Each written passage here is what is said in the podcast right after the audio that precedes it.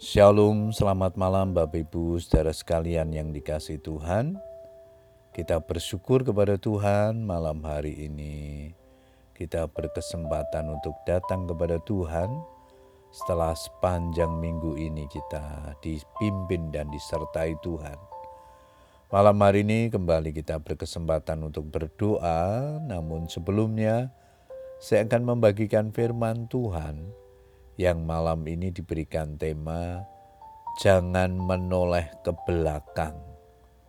Ayat mas kita di dalam 2 Timotius 4 ayat yang ketujuh, Aku telah mengakhiri pertandingan yang baik. Aku telah mencapai garis akhir dan aku telah memelihara iman. Bapak Ibu saudara sekalian, satu hal yang perlu untuk diperhatikan ketika kita menjalani pertandingan iman di tengah-tengah dunia ini adalah saat berlari, janganlah kita menoleh ke belakang. 1 Korintus 9 ayat 24 di sana dikatakan karena itu larilah begitu rupa sehingga kamu memperolehnya. Tidak menoleh ke belakang berarti kita fokus kepada tujuan atau sasaran.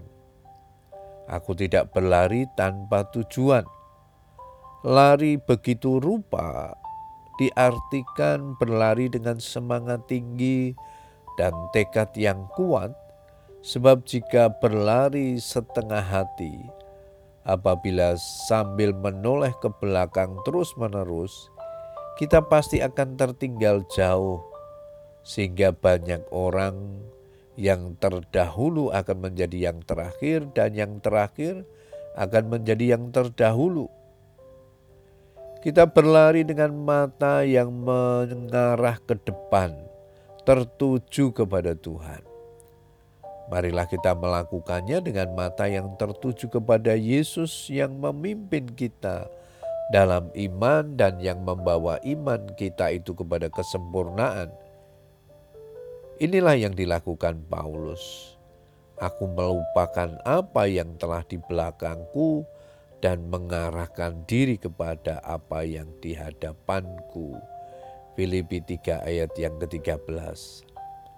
Sebagai orang percaya, status kita adalah umat pilihan Tuhan. Bukan kamu yang memilih aku, tetapi akulah yang memilih kamu. Tuhan memilih kita bukan tanpa tujuan, tetapi supaya kamu pergi dan menghasilkan buah, dan buahmu itu tetap. Banyak orang menjalani hidup agamawi namun tidak memiliki kehidupan rohani yang sesuai dengan kehendak Tuhan.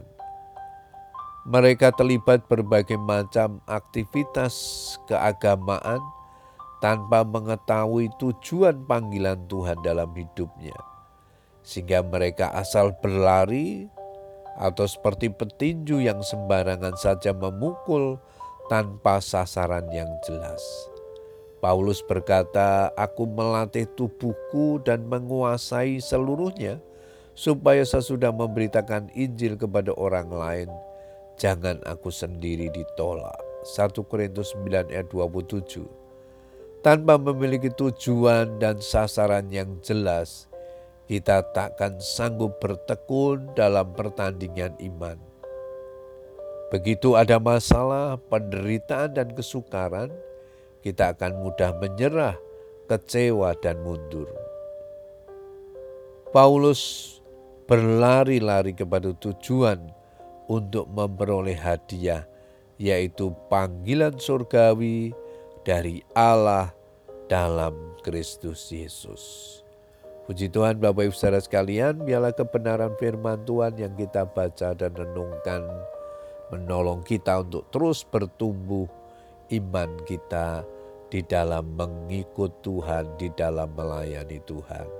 Selamat berdoa dengan keluarga kita, tetap semangat berdoa. Tuhan Yesus memberkati. Amin.